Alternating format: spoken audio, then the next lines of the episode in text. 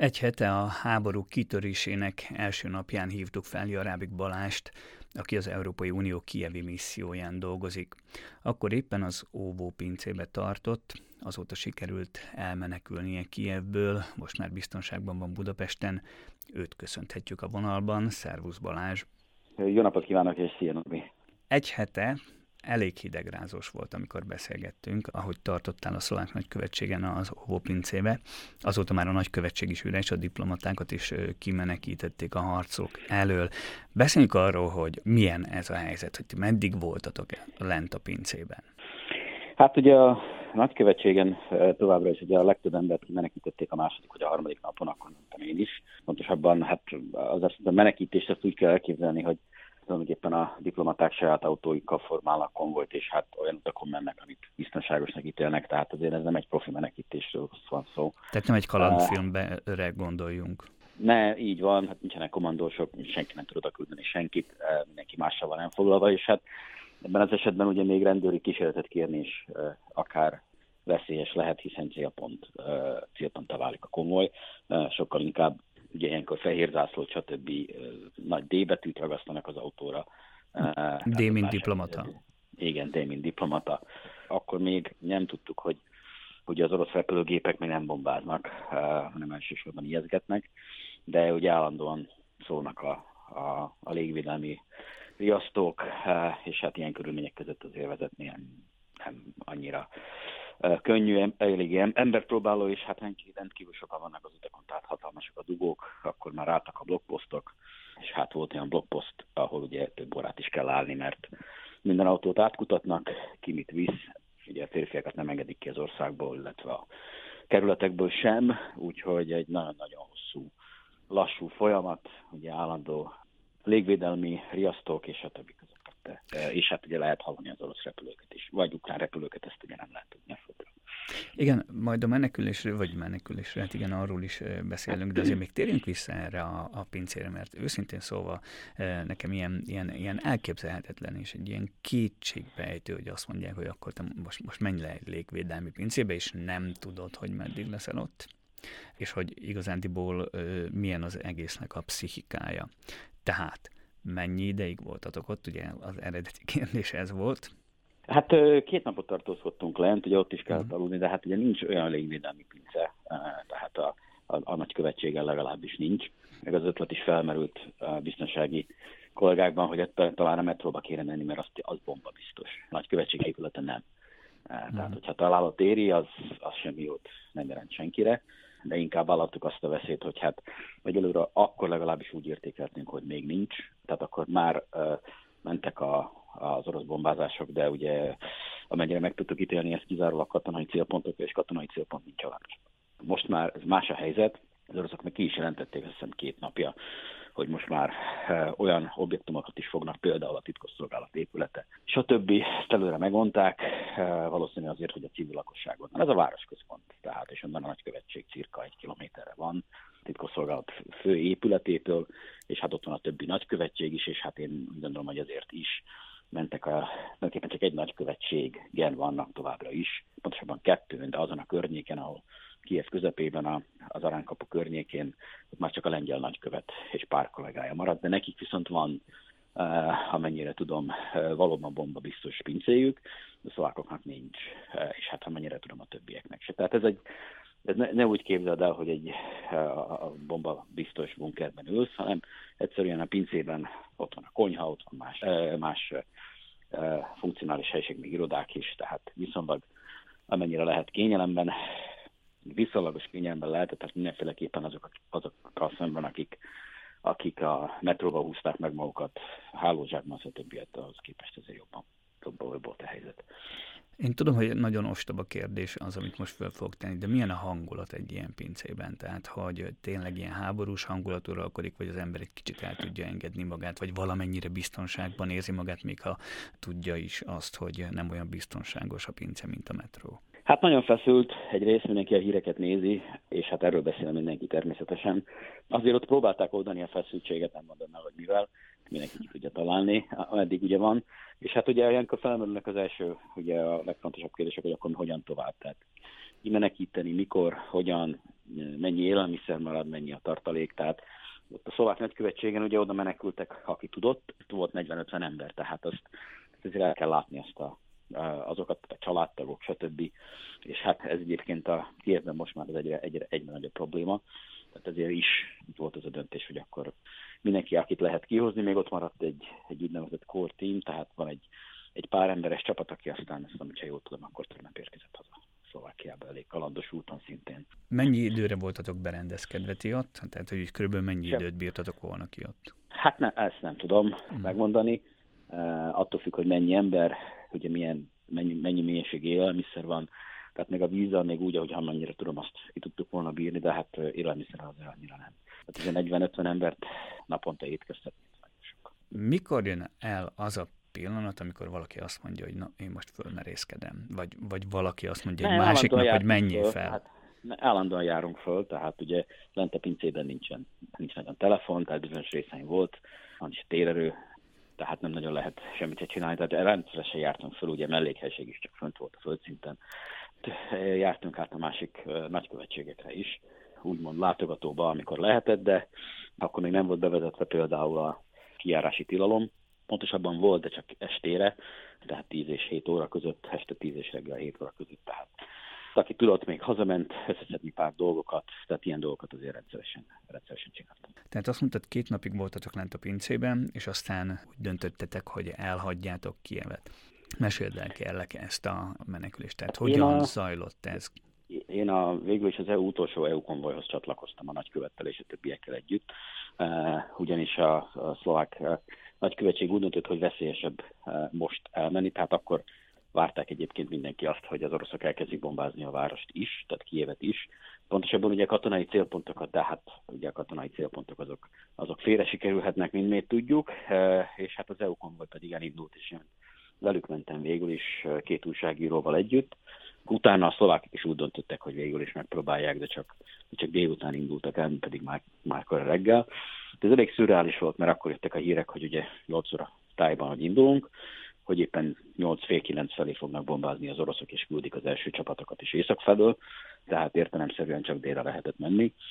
Úgyhogy azok, akik elindultak, azok elég gyorsan állhatták a várost. Ilyen, elméletileg konvojt kéne alkotni, de hát eh, egy kocsi lemarad, piros lámpáktól egyébként minden zajlott ugyanúgy, tehát a forgalom stb. És hát e, e, még a városban úgy, hogy lehetett közlekedni, de a városon kívül már hatalmasak voltak a dugók, akkor már kialakultak az első blogposztok, tehát rendkívül lassan lehetett haladni. Ilyen 70 km, de az első 70 kilométert kb. két-három óra alatt tettük meg, inkább három, mint kettő, e, és akkor lassítottunk le, volt az első blogposzt. De akkor ugye már elég az ember megkönnyebből, mert tudja, hogy kijutott abból a abból az akkor már alakulóban lévő gyűrűből, és hát tudtuk, hogy merre kell menni, mi Moldova felé mentünk, és hát tartottuk a kapcsolatok a többiekkel, tehát én mentem előre, és hát ugye tudtuk pontosan az újságírók követték a fejleményeket, hogy hol bombáznak, hol van légiriadó, tehát melyik városokat kéne elkerülni, és hát olyan útvonatokat választottunk, közben pedig ugye a, a Google meg, meg a többi applikáció rendkívül hasznosnak bizonyult, tehát az elkerülő utaknak a megtalálása. Ezek megbízhatóan működnek ezek az applikációk tovább. Háború akkor még, is. akkor még, ha jól tudom, akkor a Google Map-et már kikapcsolták, hogy ne segítsék. Ugye a, az oroszokat nem vagyok ebbe biztos egyébként, de igen, akkor rendkívül megbízhatóan, hogy még ráadásul még térerő is úgy, ahogy volt. Ugye a probléma Ukrajnában inkább a térerővel volt. Pláne azokon a helyeken, ugye mi megpróbáltuk a nagyobb városokat elkerülni, pontosan az miatt, hogy hogy ne kerüljünk akármilyen légicsapás közelébe, vagy egy lehetséges légicsapás közelébe, a másik, hogy próbáljuk elkerülni a blokkposztokat, mert hát ott iszonyatos dugók voltak. Órák hosszú, hosszat lehetett sorakozni, és hát azért ez az embert fölörni, a másik pedig ugye itt a benzin kérdése, hát akkor nagyon nehezen lehetett benzinhez jutni, én is a szlovák nagykövetségről kaptam még 20 liternyi benzint, amivel aztán eljutottunk Moldovába. Több benzinkúthoz is ugye beálltunk sorba, ott hosszú sorok vannak, amelyik nyitva volt, hát ugye két benzinkota nem volt 95-ös benzin, a harmadik, amire éppen már soron kívül ötött a légiradó, és azonnal lezárták a izét, és mindenkinek menekülni kellett, mert hát ugye azt a találat éri, akkor annak, annak annyi. Úgyhogy így jutottunk el a határig, aztán ahol találtunk egy benzinkutat, és ott tankoltunk aztán ismét tele a kocsit. De nekem szerencsém volt, mert az én autóm egy hibrid, és hát ez itt a reklámhelye akár, de hibrid autóval nagyon jó menekülni, mert ugye alig, alig fogyaszt a dugóban. Úgyhogy én, én, vélet, én egész, egész jó kijöttem ebből az egészből ilyen szempontból. Volt olyan pillanat a menekülés során, amikor azt mondtátok, hogy inkább maradtunk volna az óvópince kvázi biztonságában, mint egy védtelen út közepén, amit bármikor támadás érhet? Ez volt az első, illetve pontosabban a másik nap, amikor az első konvojok mentek. Én is úgy gondoltam, hogy elindulok, de aztán visszajöttünk egyszerűen azért, mert három óra alatt, azt hiszem két kilométer, három kilométerre tudtuk elhagyni, nem a várost, hanem a, hanem a kiindulási útonalat, és akkor én kértem engedélyt a visszatérésre, és hát akkor csatlakoztam a szlovák nagykövetségre, és ez az első nap volt. E, egyszerűen annyira indultak útnak, hogy én úgy gondoltam, hogy ez veszélyesebb. E, és így is volt, és hát utána viszont már csak délre lehetett, mert a nyugati, a nyugati útonalak szintén be voltak dugulva, tehát Moldova felé tudtuk, hogy arra kell menni, és hát arra is vettük az irányt, mondjuk a többi EU konvoj is arra ment. E, ennek azért elsősorban az volt az oka, mert hát a, a benzin, illetve a gázolaj ugye szűkös, véges, és hát Moldovában szerintem egész 500 km alatt oda lehet. Tehát elméletileg a teletankolt autóval oda el és utána ott pedig már nincs probléma az ellátással.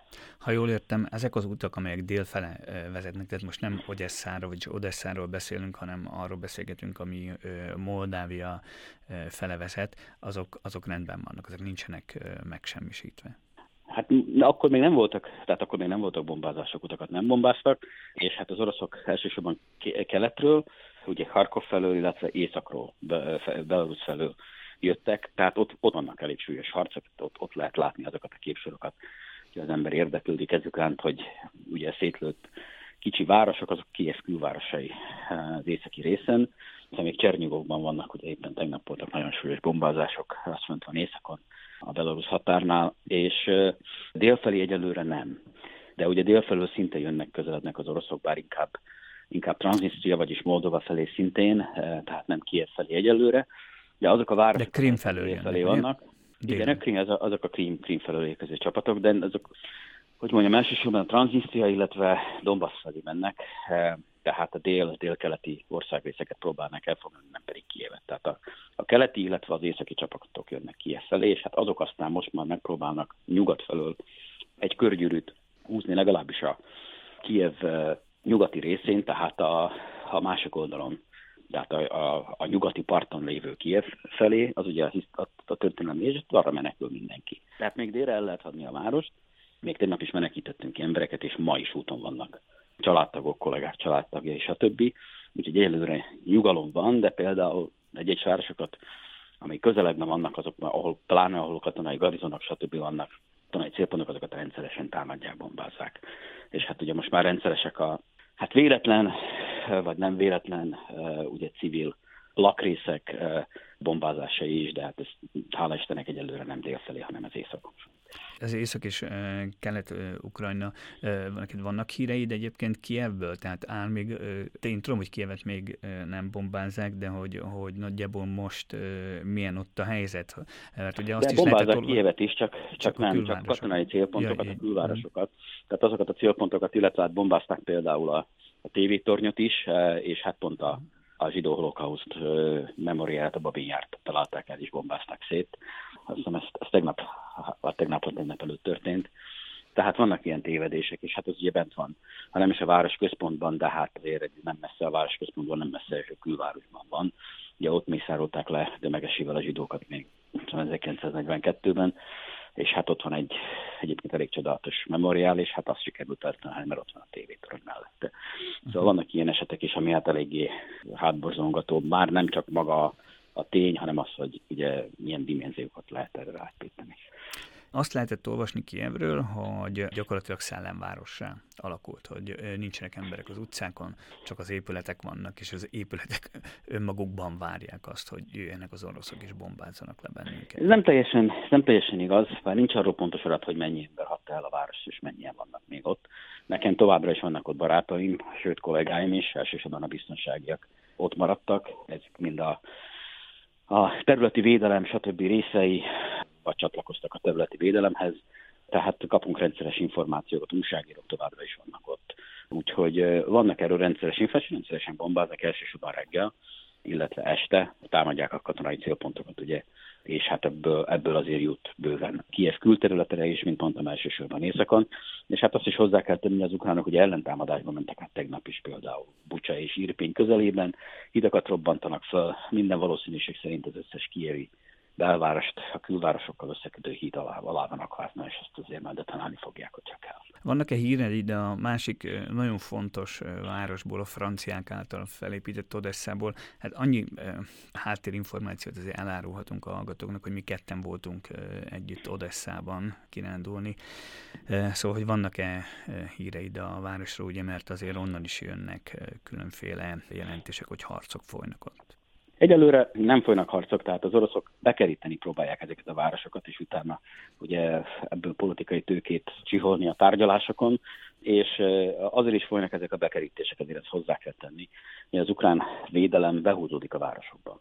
Most ezt nem azért mondom, hogy ezt el kéne ítélni, ez egyetlen egy taktika, ami működhet invázió ellen, egyszerűen arra kényszerítik az oroszokat, elhúzzák a, a, az egész hadműveleteket, lekötik az orosz haderőket, és hát érezhetően az oroszok ezzel nagyon nehezen tudnak mit csinálni, hiszen ez azt jelenti, hogy ezeket a városokat bombázni kell. Ugyanez van Ogyesszában, ugyanez van Kievben, ugyanez van Harkovban. Harkovban, Harkovat egyébként már bombázzák is. Honnan jönnek elég szörnyű. Ugye Harkov az egy, egy orosz nyelvű, orosz ajkú, de ukrán város. Ezért ezt hozzá kell tenni, hogy az, aki ugye oroszul beszél, attól még ő ukrán, csak oroszul beszélő. Tehát itt azért az etnikai identitások és a, és a nyelv erősen keveredik, de feltétlenül én úgy gondolom, hogy az oroszokat nem csak a taktika lepte, lephette meg, bár szerintem erre azért föl kellett volna, hogy készüljenek, hanem az, hogy ugye a, a lakosság nagy részben nem ment el, az egy, hát kettő pedig nem fogadja őket. Nem, hogy nem virággal, hanem semmi más jóval. Úgyhogy ez a fajta, hogy ők, ők úgy nevezik, ugye, hogy hogy a nácikat előzzük, ez a denácitalanítás, hát ez bizony eléggé a, az ukrán társadalom és az ukrának ellen való tüntet.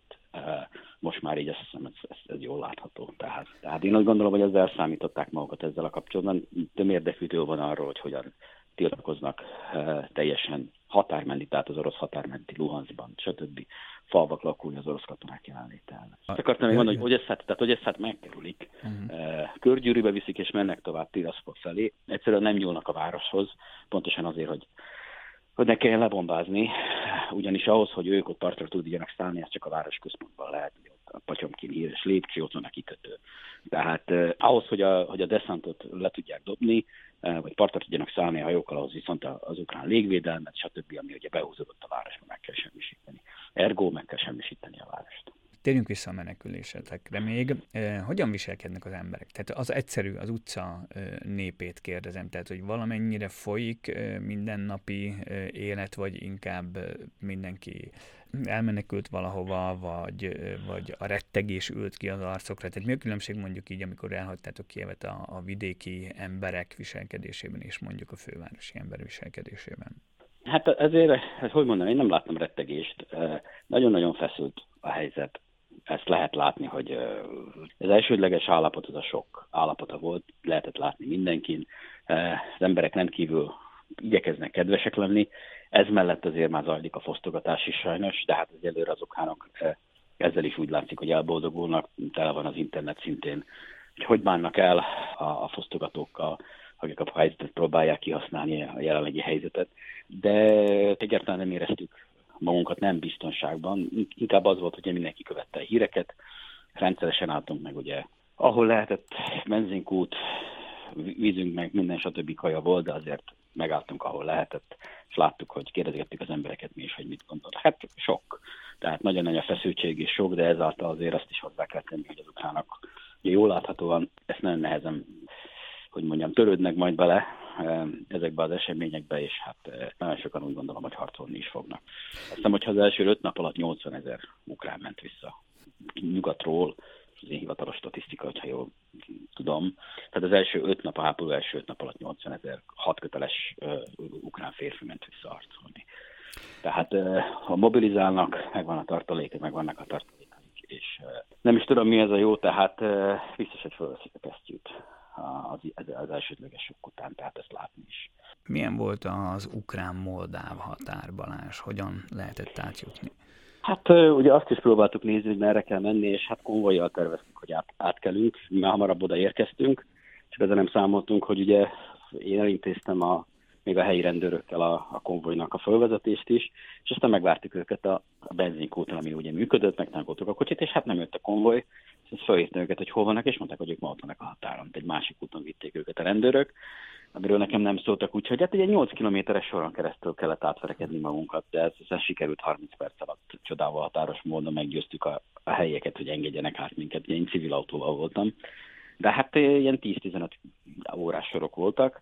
Elsősorban az ukránok ugye nagyon szigorúan ellenőriznek már a blogposztokon is, hiszen akkor már nem engedték ki a férfiakat, és hát ebből nagyon-nagyon hosszú sorok voltak. A moldáv rész viszont fantasztikusan dolgozott, tehát e, ugye ezt a nyugati, sőt az orosz e, sajtó is kiemeli, hogy a moldávok mennyire napra készen, rendkívül flexibilisen kezelték a dolgokat.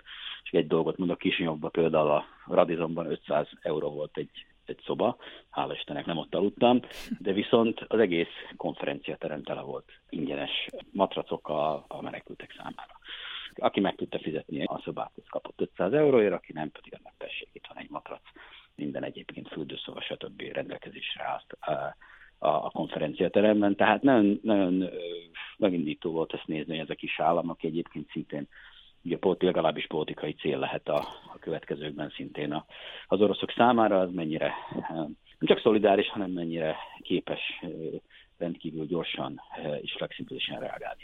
Igen, tehát úgy képzeljük el, hogy Moldávia felé nagyjából ugyanúgy menekülnek az emberek, mint mondjuk Szlovákia vagy Magyarország. Hát az, első, az első négy napon 80 ezeren mentek arra. Ja. Tehát többen, mint Szlovákiában. Én gondolom elsősorban azért, mert könnyebben át tudtak jutni a határon. Itt már megpedzettük eh, ezt a dolgot, hogy ugye az oroszok eh, Odesszát körbeveszik, hogy Tiraspol fele induljanak, ugye Tiraspol is már Moldáviához tartozik, illetve hát Moldávia... Hivatalosan. Hivatalosan, igen. De egyébként egy, ugye el nem, ilyen, senki által... El nem ismerte tagköztársaság. Szeparatista föld, földsáv Ukrajna és a, és a Dnyeszter folyó, uh, folyó között igen, Úgyhogy... de most ugye a kérdés az, hogy ugye Moldávia sem uniós tagország, sem NATO tag, és néhány elemzés szerint éppen Moldávia lehet Vladimir Putyin orosz elnök következő célpontja. Ezt, ezt így lehetett érezni Kicsináuban? Természetesen ott is nagyon nagy a feszültség, hiszen nekem a, a moldáv barátaim ismerőseim mondták, hát mindenki arra kelt föl, hogy Odesszát is ugyanúgy bombázták. Ugye a háború azzal kezdődött, hogy szerdán 5 órakor az összes város katonai célpontját bombázták tehát ezt, ez ugye nem volt meg, hogy ez így kezdődik. Mi azt vártuk, hogy majd keleten elkezdenek bejönni, és akkor tehát kialakul egy háború, eh, de mindenkinek lesz ideje. Tehát az, hogy, az, hogy a nagyvárosokat beleértek, Kiévet bombázzák, első lépésként, hát azt, azt, azt hiszem, hogy senki nem várta, talán még az amerikaiak sem. Ugye erre ébredt fel Moldova, tehát onnantól fogva rendkívül összehívták a rendkívüli biztonsági tanácsot, és stb. Ugye a moldávok politikai célpontok lesznek, de katonai véleményem szerint sem tehát ők is így látják.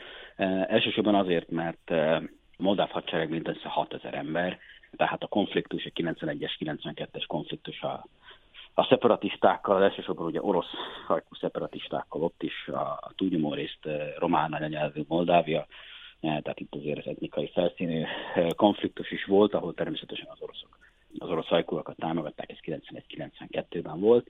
Moldovának neutrális a státusza, alkotmányos státusza, hadserege tulajdonképpen nincs, a NATO-ban nem készül, nem is akart soha, nagyon felesleges célpont lenne ez az oroszoknak. Az biztos azonban, hogy a Tiraszpolt, illetve a szeparatista földnyelvet össze fogják kötni.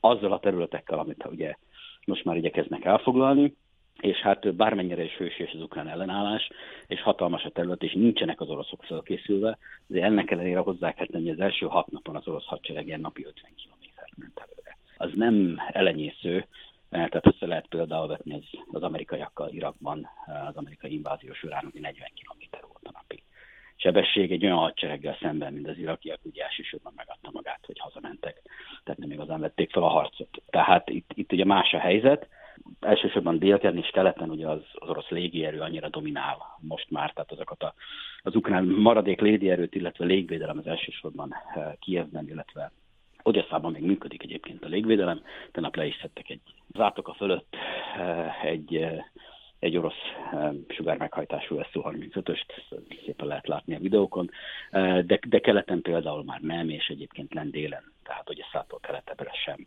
működik, tehát ott azért az oroszoknak rendkívül erős a, ez a légi fölényre támaszkodva tudnak előre nyomulni.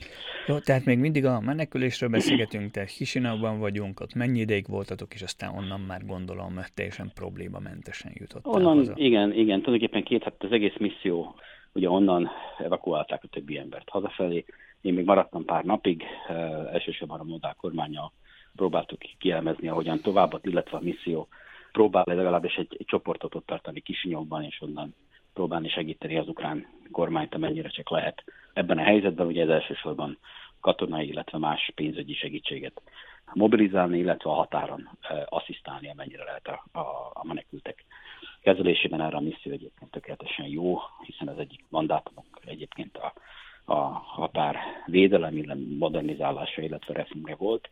Úgyhogy egyelőre Kisinyabban vagyunk. A másik ugye, hogy hát a többi nagykövetség is tud, ahol lehet. Tehát a lengyelek maradtak, ahogy említettem, egyedül, pár emberrel Kievben, de az összes többi nagykövetség Lembergben, Lengyelországban, Varsóban, Zseszúfban és lehet tovább mondani.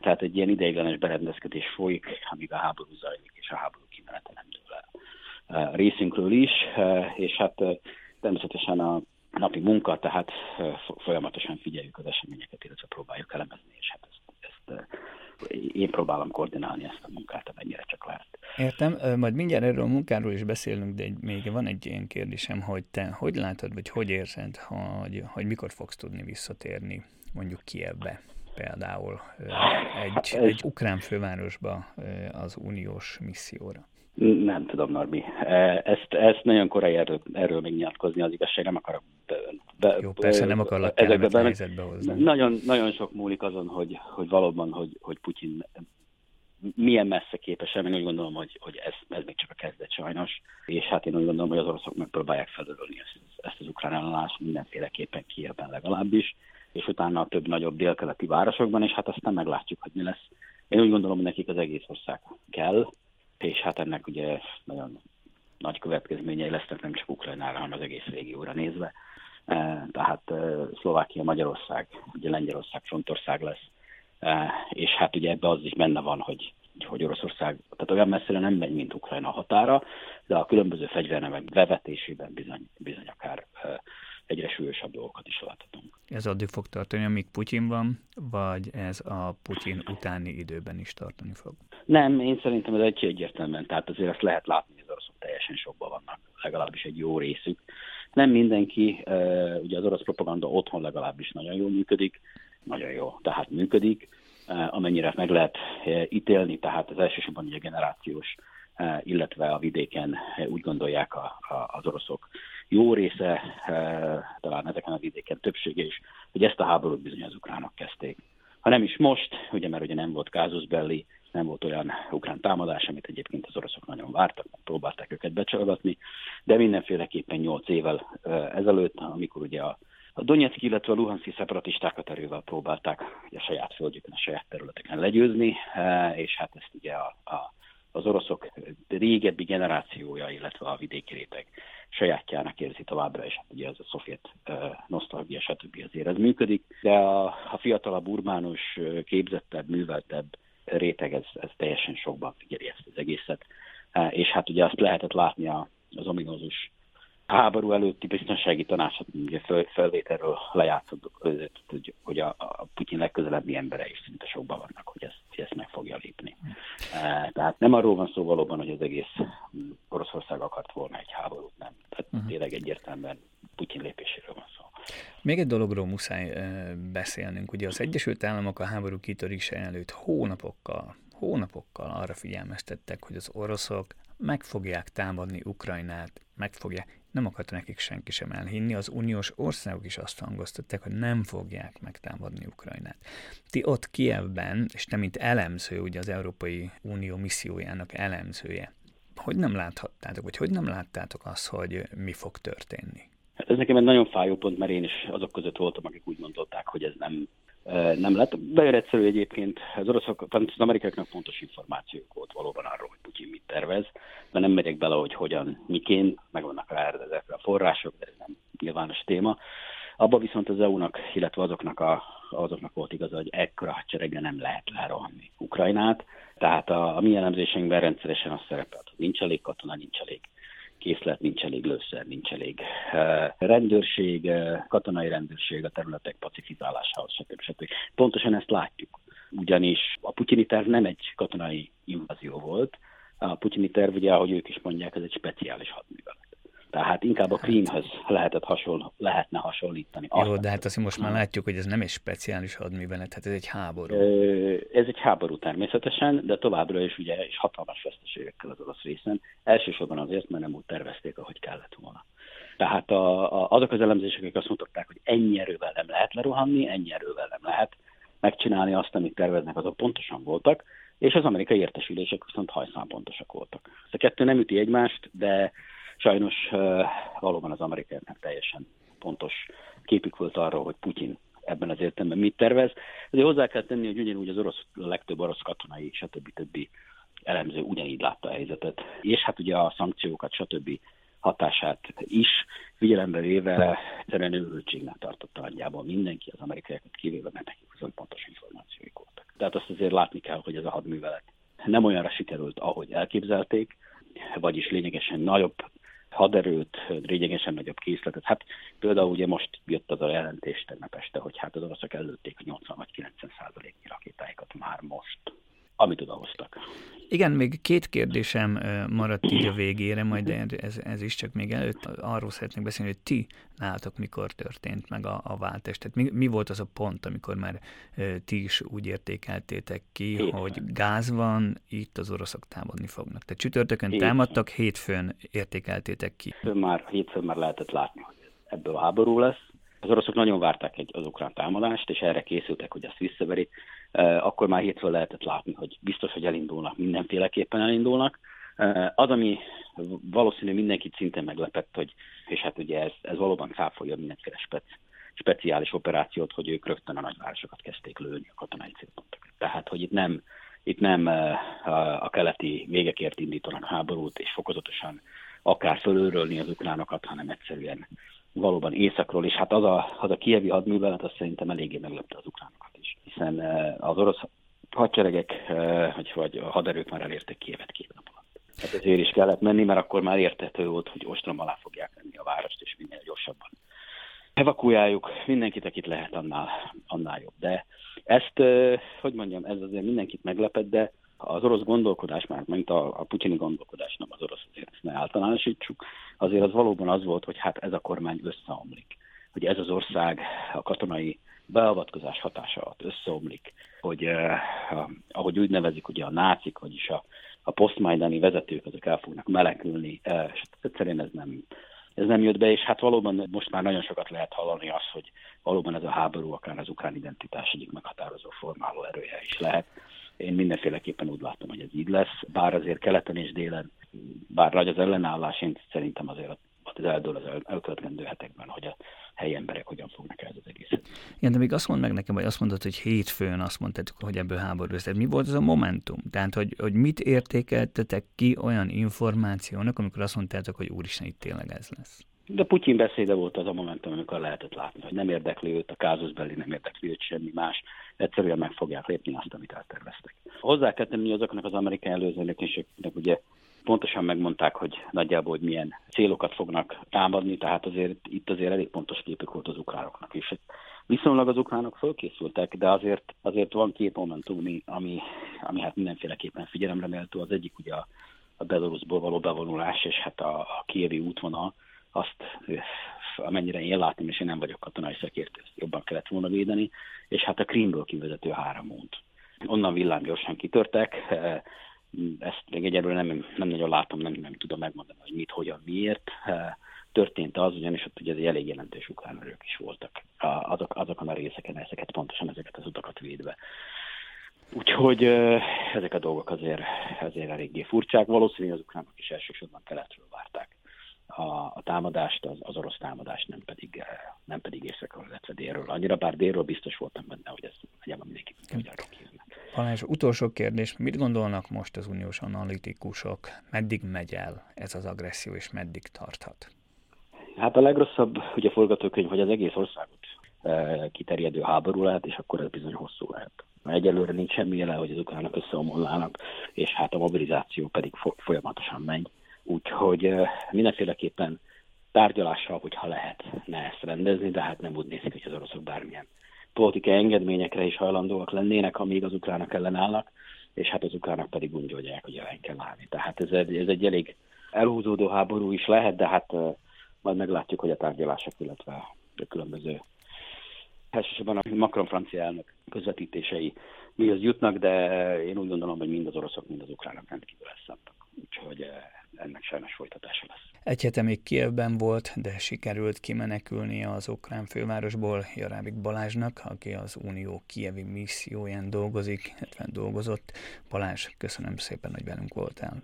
Én köszönöm, Norbi, minden jót kívánok. Minden jót.